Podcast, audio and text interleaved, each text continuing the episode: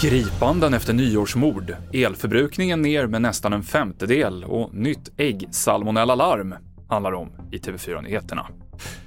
Två personer har anhållits idag för medhjälp till mordet i Vällingby på nyårsafton. De greps nu på morgonen och kommer förhöras under dagen.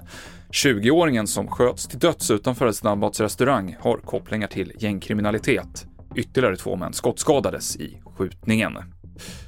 SMHI varnar för kraftigt snöfall och vind i Svealand och Götaland. Värst väntas det bli i norra Götaland där SMHI har utfärdat en orange varning.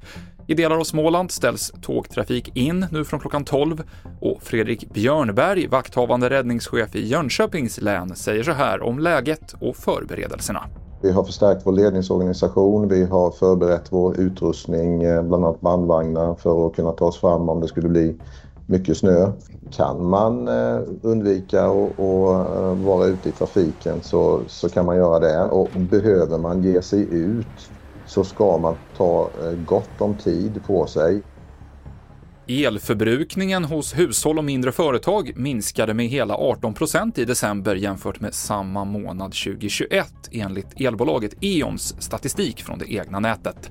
Siffrorna är korrigerade för temperaturskillnader och de är i grunden positiva, menar Patrik Elmén som är presschef på E.ON. Vi har nu fyra påföljande månader med tilltagna energibesparingar får man ju lov att säga och i grund och botten är det bra därför att vi behöver avlasta de, våra gemensamma, eh, vårt gemensamma energisystem.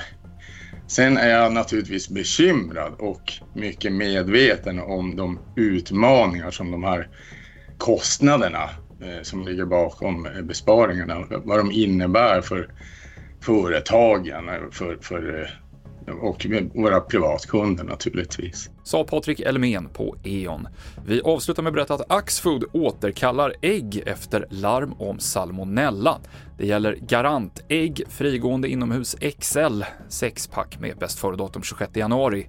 Igår så återkallade Coop ett parti ägg av samma anledning. Fler nyheter finns på tv4.se. I studion Mikael Klintevall.